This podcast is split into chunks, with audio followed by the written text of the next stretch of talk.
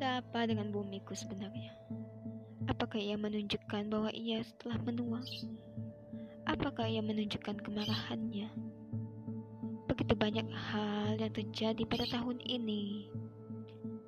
Seperti halnya pada bulan Januari.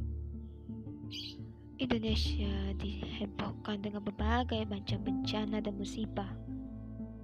Dan pada bulan Februari, lagi dan lagi Indonesia diguncangkan dengan fenomena Perang Dunia Ketiga.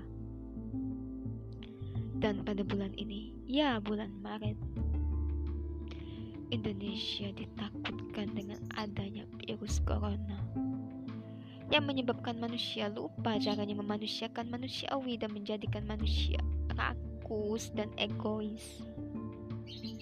Ya, itulah terjadi pada Indonesiaku pada tahun ini.